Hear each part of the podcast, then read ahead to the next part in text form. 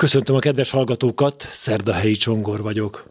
A Katolikus Rádió és az új ember munkatársai gyászolnak elhunyt kollégánk Kipke Tamás március 29-én életének 71. évében egy tíz évvel ezelőtt készült életinterjú második részét adom most közre. 73-tól dolgoztál meddig az új embernél? 2011-ig. Vagyis ez majdnem... Ez 38 év. 38 év. Napra nem? 38 évig. Akkor ezt nagyon tudod, és utána a keresztény, utána keresztény életnek voltál a szerkesztő, és most készülsz nyugdíjba. Milyen volt az az új ember? Azt tudod, hogy milyen volt az, az új ember nagyjából, amikor már én oda kerültem 1980-ba, katolikus heti lap az egyetlen, és akkor még azt hiszem négy oldalas kis újságocska volt, amikor te oda kerültél. Négy oldalas kis újság volt.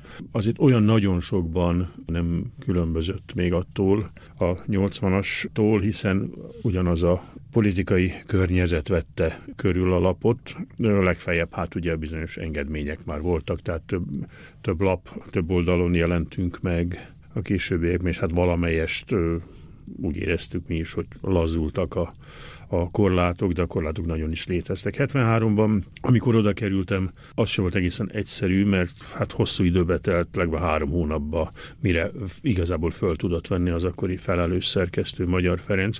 Korábban úgy volt, hogy én már, ha elvégzem a műszaki főiskolát, akkor utána én oda megyek újságírónak az új emberhez, nem akartam a műszaki pályán dolgozni, csak hogy hát nem végeztem el a főiskolát, és idő előtt jelentkeztem, és ez bizony beletelt tényleg néhány hónapban, míg az államegyházügyi hivatal engedélyezte azt, hogy az ember oda kerüljön. Tehát ezt a kontrollt, ezt a, azt a nagy erős figyelmet végig éreztük, bár némiképpen, hát mint lazulóban, ez megjelent a szerkesztőség légkörében is természetesen, hiszen elég sok olyan kitűnő újságíró volt ott, akik még nehezebb időket éltek meg ott, ugye az 50-es évek elejét is már, amikor 73-hoz képest ugye persze sokkal keményebbek voltak a viszonyok, és a, a több aggodástól vezethette az emberek, vagy foghatta le az emberek tollát, úgyhogy mi ilyen kis generációs feszültség is volt, például néhány idősebb kollégával, akik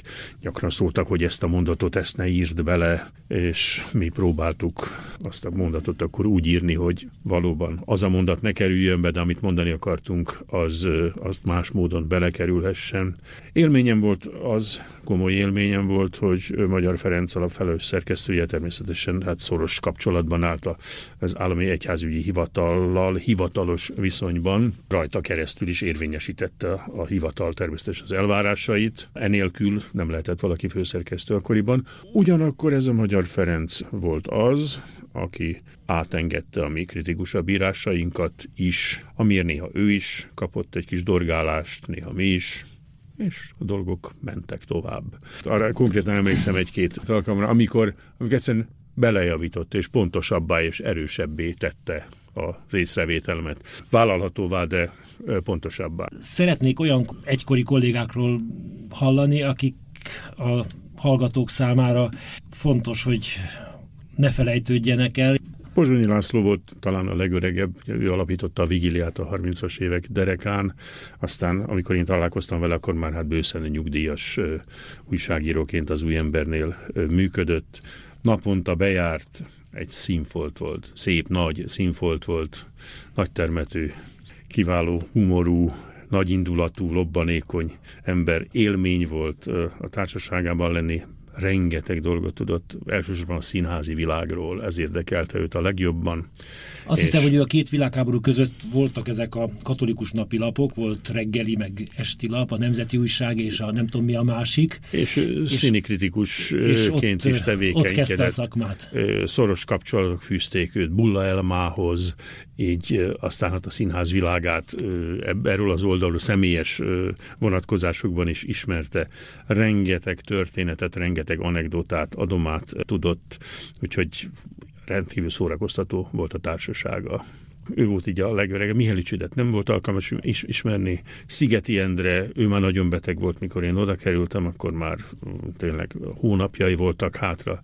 Bölcsessége, a nyugalma, a problémákat szépen csendesíteni tudó képessége és megoldani törekvő igyekezete az nagyon megmaradt bennem. Újlaki Andor volt a tördelőszerkesztő, akkor hát ő is egy igen régi újságíró volt, akkor ő már lényegében csak a tördeléssel foglalkozott, holott neki a 40-es évek végén önálló belpolitikai rovata volt, és nem is akármilyen, ahogy utána olvasgattam, keresgetvén ugye hát annak a cégnek, a, annak a lapnak a múltját, ahova én becsöppentem fiatalemberként, és azt láttam 1973-ban nagy irítséggel, hogy 49-ig az Új Ember című katolikus hetilap az egy katolikus hetilap volt. Mit értesz ez alatt? Ezen azt írtam, hogy, hogy nem egy sekrestje újság volt, ahogy sokan apostrofáltak az Új Embert az én időmben, és amivel engem sokan cikiztek is, hogy hát egy ilyen újsághoz mész el újságírónak meg vagy te őrülve. Hát valóban, ugye, amíg bel- belpolitikai élet viszonylagos szabadságot élvezhetett Magyarországon, addig tényleg a katolikus szellemiségű hetilap volt, politikával épp úgy foglalkozott, mint a kulturális élet, a gazdaság mindenféle kérdéseivel. Tehát teljes horizontú lap volt.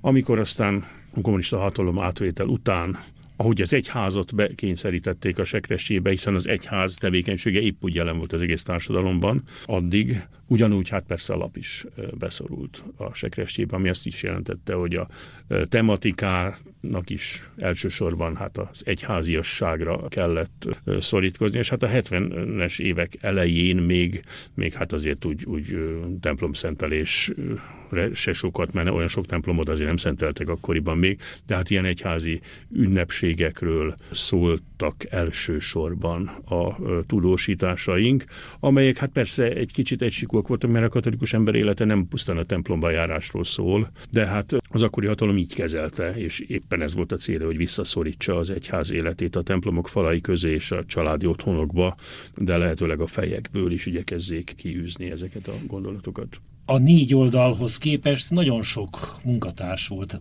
Most kettő jutott még eszembe, akit nem említettünk, Rónai György, Dorombi Károly.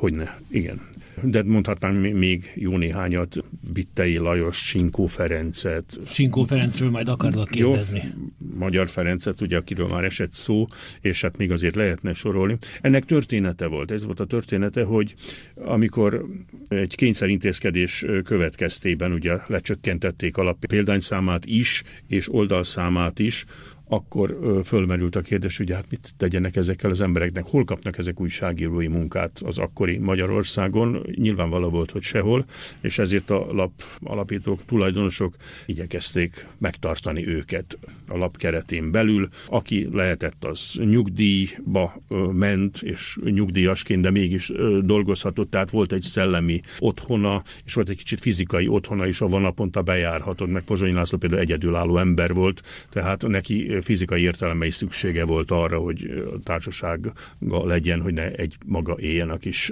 albéleti szobájában, vagy fél lakásában.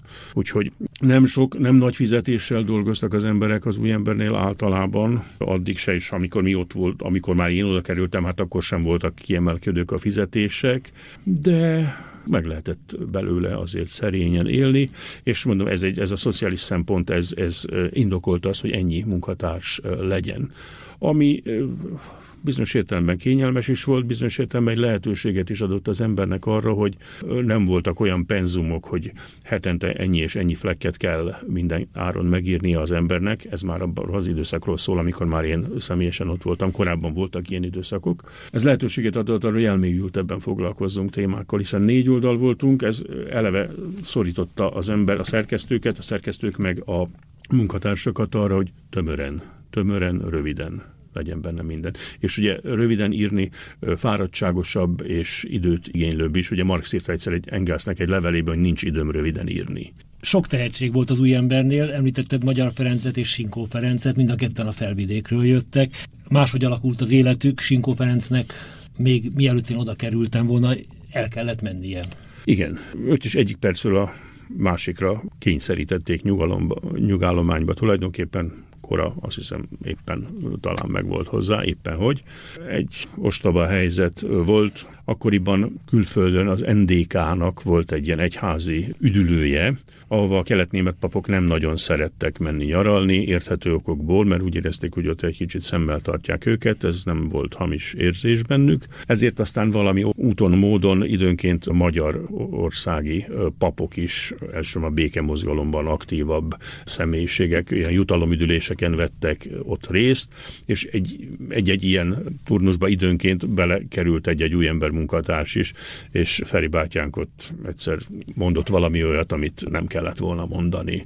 Ugye akkor időben nem volt nehéz olyat mondani, ami csípte a hatalom szemét, úgyhogy így aztán azt a lehetőséget kínálták itt fel neki, mikor hazatért. Akkor már tudták, hogy ott mit mondott. Egy baráti hit társaságban. Ott már tudták, hogy mit mondott, és felajánlottak neki azt a lehetőséget, hogy menjen nyugdíjba. Ő ebből értett, és nyugdíjba ment. Kitűnő humorú, nagyszerű, kitűnően író, a magyar népies vallásosságot, néprajzot kitűnően ismerő ember volt Sinkó Ferenc. Nagyon sokáig ő volt alap szerkesztője igazából. Tehát a főszerkesztő adta az irányvonalat, a szerkesztő meg hát megcsinálta hétről hétre Igen. alapot. Tehát segédszerkesztő. Így van. Ezt így Ami azt jelenti, igen, hogy, hogy valójában igen. igen. igen. Valódi, a, szer, a szerkesztő. Igen. És hát felvidékról érkezett ő, és Magyar Ferenc is, azt hiszem Magyar felvidéki, Ferenc is. Gömör megyei. Így van, ők, ők ráadásul még hát tényleg diákkorukból ismerik egymást Kassán, ahogy mesélték, együtt laktak valahogy albérletbe, és együtt kezdték a katolikus újságírói eh, pályájukat is. Magyar Ferenci aztán kicsit eltérült erről, ettől, hiszen a háború idején Erdély visszacsatolásakor ő népfőiskolai igazgató lett Csíksomjón. Kalott. A Kalott kereteiben. Kalott legények, igen, emlékszem, mesélte, hogy a olyan bizalmatlanak voltak az erdélyi papok, hogy a falu bolondjait küldték el a népfőiskolába az első eresztésbe, nem fogták föl, hogy milyen lehetőség Igen, ez. hát ugye, de aztán azt hiszem, hogy megkedvelték, és hát máig őrzik az emlékét. Hát hogyne, persze. Annyi, ha nem is negatívumot, de korlátot elmondtál az új emberről, miért választottad munkahelyedül, és maradtál ott 38 évig. Hogy kerültél oda? Igen, úgy kerültem oda, hogy mint minden második fiatal ember, én is írtam diákkoromban. Elég sok verset, mint a legtöbb írogató fiatal gyerek, és elküldtezgettem a verseimet a Szélrózsa és a Szerjózsa minden irányába, és az új embertől kaptam emberszabású választ igazából arra, hogy miért nem fogják közölni a verseimet. Ebből a visszautasításból ismerettség lett. Új és versek születtek. Új versek születtek, egy, egy idő után már egyiket, másikat le is közölték, de ami ennél fontosabb volt az, hogy kapcsolatba kerültem Vasadi Péterrel, mert ő foglalkozott ott az ilyen újdondász fiatal emberekkel, és én jártam a főiskolára, és mellette járogattam be az új emberhez, és vittem neki írásokat, ő javítgatta, mondta, hogy mit, hogyan kellene, aztán idővel elkezdett feladatokat adni, és elkezdett bennem kialakulni, hogy hát az építőipar az nem az én világom, úgyhogy ha elvégzem, lesz egy diplomám, akkor azon én szépen eljövök ide újságírni. Mert végül is azt elmondhatom, hogy azt éltem meg az új embernél már akkor, hogy nem arról írhattam, amiről akartam, tehát írhattam sok mindenről, amiről akartam. De nem mindenről nyilván. De nem mindenről nyilván, viszont én azt éltem meg, hogy nem kellett nekem soha olyat írnom, amit nem akartam megírni. Ez akkor is már egy, ez akkor még csak körvonalazódott bennem az érzés, hogy itt egyfajta szabadság mégis van itt ez alatt, a nyomás alatt van valami szabadság, és ahogy aztán később eszméltem és körülnéztem, és át kicsit láttam a világot, még a 89 előtti időszakra gondolok, akkor elmondhatom azt, amit elmondtam aztán Magyar Ferenc felelős szerkesztőnek a temetésén is, hogy nem sok olyan főszerkesztője, vagy felelős szerkesztője, hát vezető szerkesztője volt az akkori magyar sajtónak, akiről elmondhatnánk azt, hogy soha senkivel nem iratott meg olyan cikket, amit az illető nem akarta megírni. Az olyan embernek írnia kellett május 1 írnia kellett november 7-ére is időnként, meg április 4-ére is. Aki nem akart ilyen cikket írni, annak nem kellett ilyen cikket írnia. Ez nyilván persze megmutatkozott. Előmenetelben ebben, abban, fizetésekben ez reálisan, és rendjén is volt így tulajdonképpen, aki valami nem hajlandó részt venni, ugye akkor az ne tülekedjék vehemensen a pénztárnál, de lehetett, és ez, ez, ezt én rendkívül tisztelem Magyar Ferencben például ezt is. Pirinszki János. Hát Pirinszki János egy szenzációs ember volt. Ha van anti-újságíró, akkor ő volt az. Mit értesz az alatt? Ezen azt értem, hogy... Gátlásos volt? egy gátlásos bonviván volt, szóval mondom, ellentmondásos ember volt. Igen, bizonyos értelemben gátlásos volt, másrészt az újságírásnak az a lényege, ugye, hogy ekkor és ekkor kell leadni az anyagot, és az ennyi és ennyi legyen. És ha megbeszéltük a dolgot, akkor annak arra kell szólnia. És hát előfordult, hogy Pilinszki János három nappal alapzárta után jött be az anyaggal, és egy másik anyagot hozott. Hát ugye ezt a szerkesztők nehezen tolerálták, tolerálhatták. Egyébként ő 1957-től volt állományban az új embernél, és hát, haláláig végül. Haláláig, haláláig. Így tehát ez a történet, amiről én most e- e- beszéltem, ez, ezt, ennek én még nem voltam tanúja. Amikor én oda keveredtem, akkor ő már egy nagy nagy név Nagy volt. név volt, és egy elismert név volt az akkori magyar kultúrpolitikának is az egyik. Egy megtűrt büszkeség. Megtűrt büszkeség, igen, kitűnő, igen, erről van szó. Megtűrt büszkeség, és ő ezt büszkeséggel és méltósággal viselte, minden öntömjénezés nélkül, nagyon közvetlen és kedves ember volt azokkal, akiket úgy megkedvelt.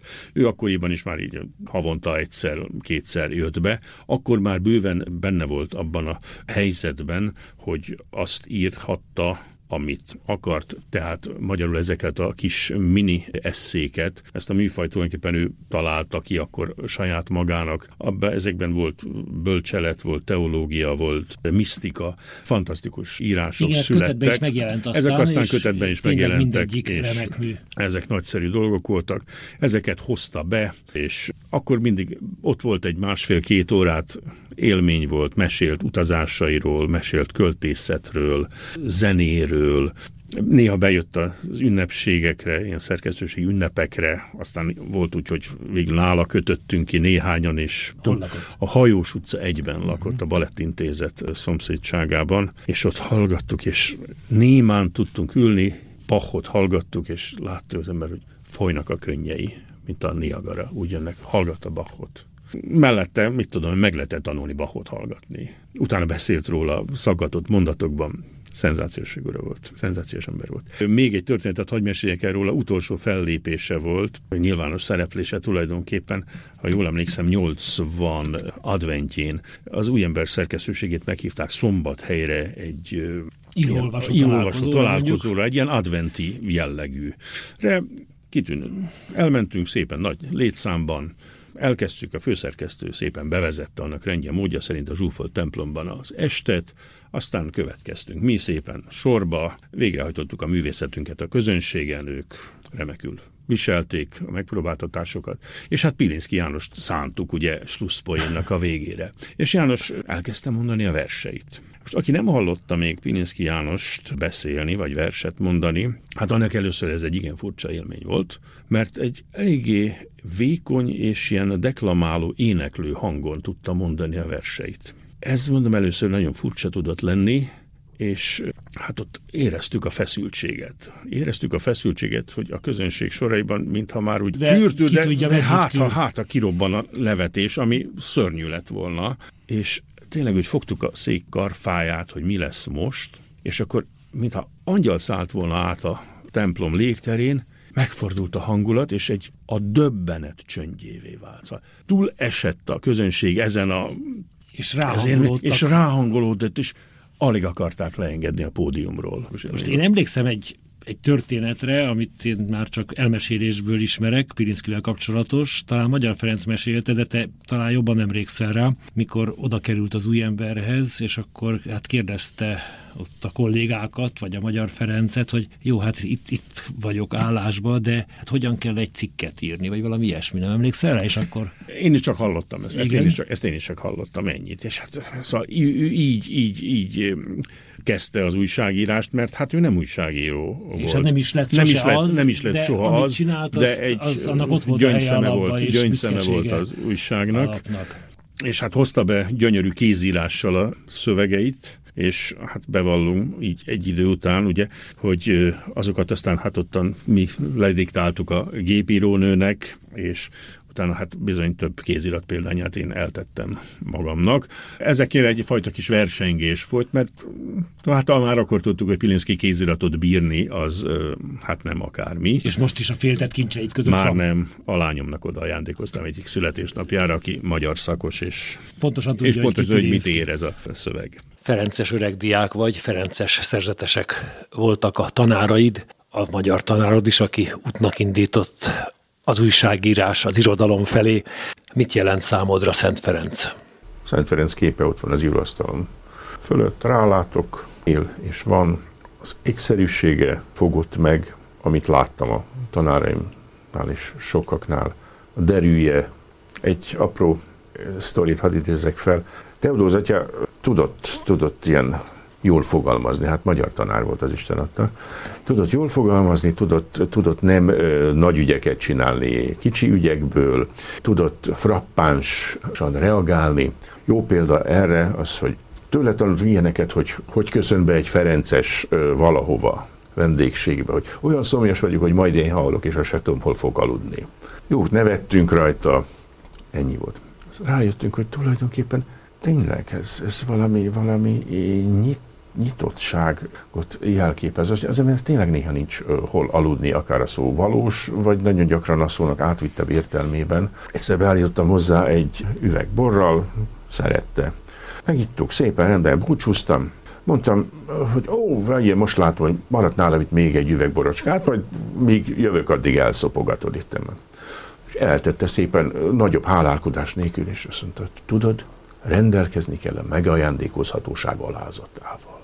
Ez nagyon olyan jópofán, mókásan hangzik, sokáig azt hittik, hogy ez vicc. Mert ezt ő úgy mondta azért, hogy ezt nyugodtan lehetett viccnek venni. Ez egyik legfontosabb tanítása volt.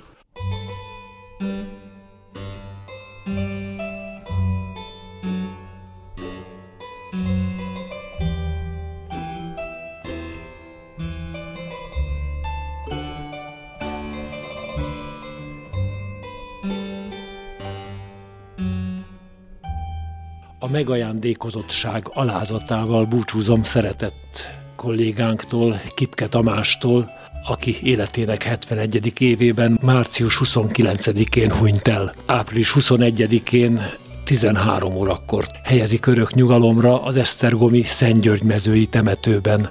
Lelkiüdvért szentmisét ugyanezen a napon délután fél háromkor tartanak az Esztergomi Ferences templomban. Az elhangzott beszélgetést tíz évvel ezelőtt készítettem Tamással. Keceli Zsuzsa zenei szerkesztő nevében is búcsúzik a szerkesztő, Szerdahelyi Csongor.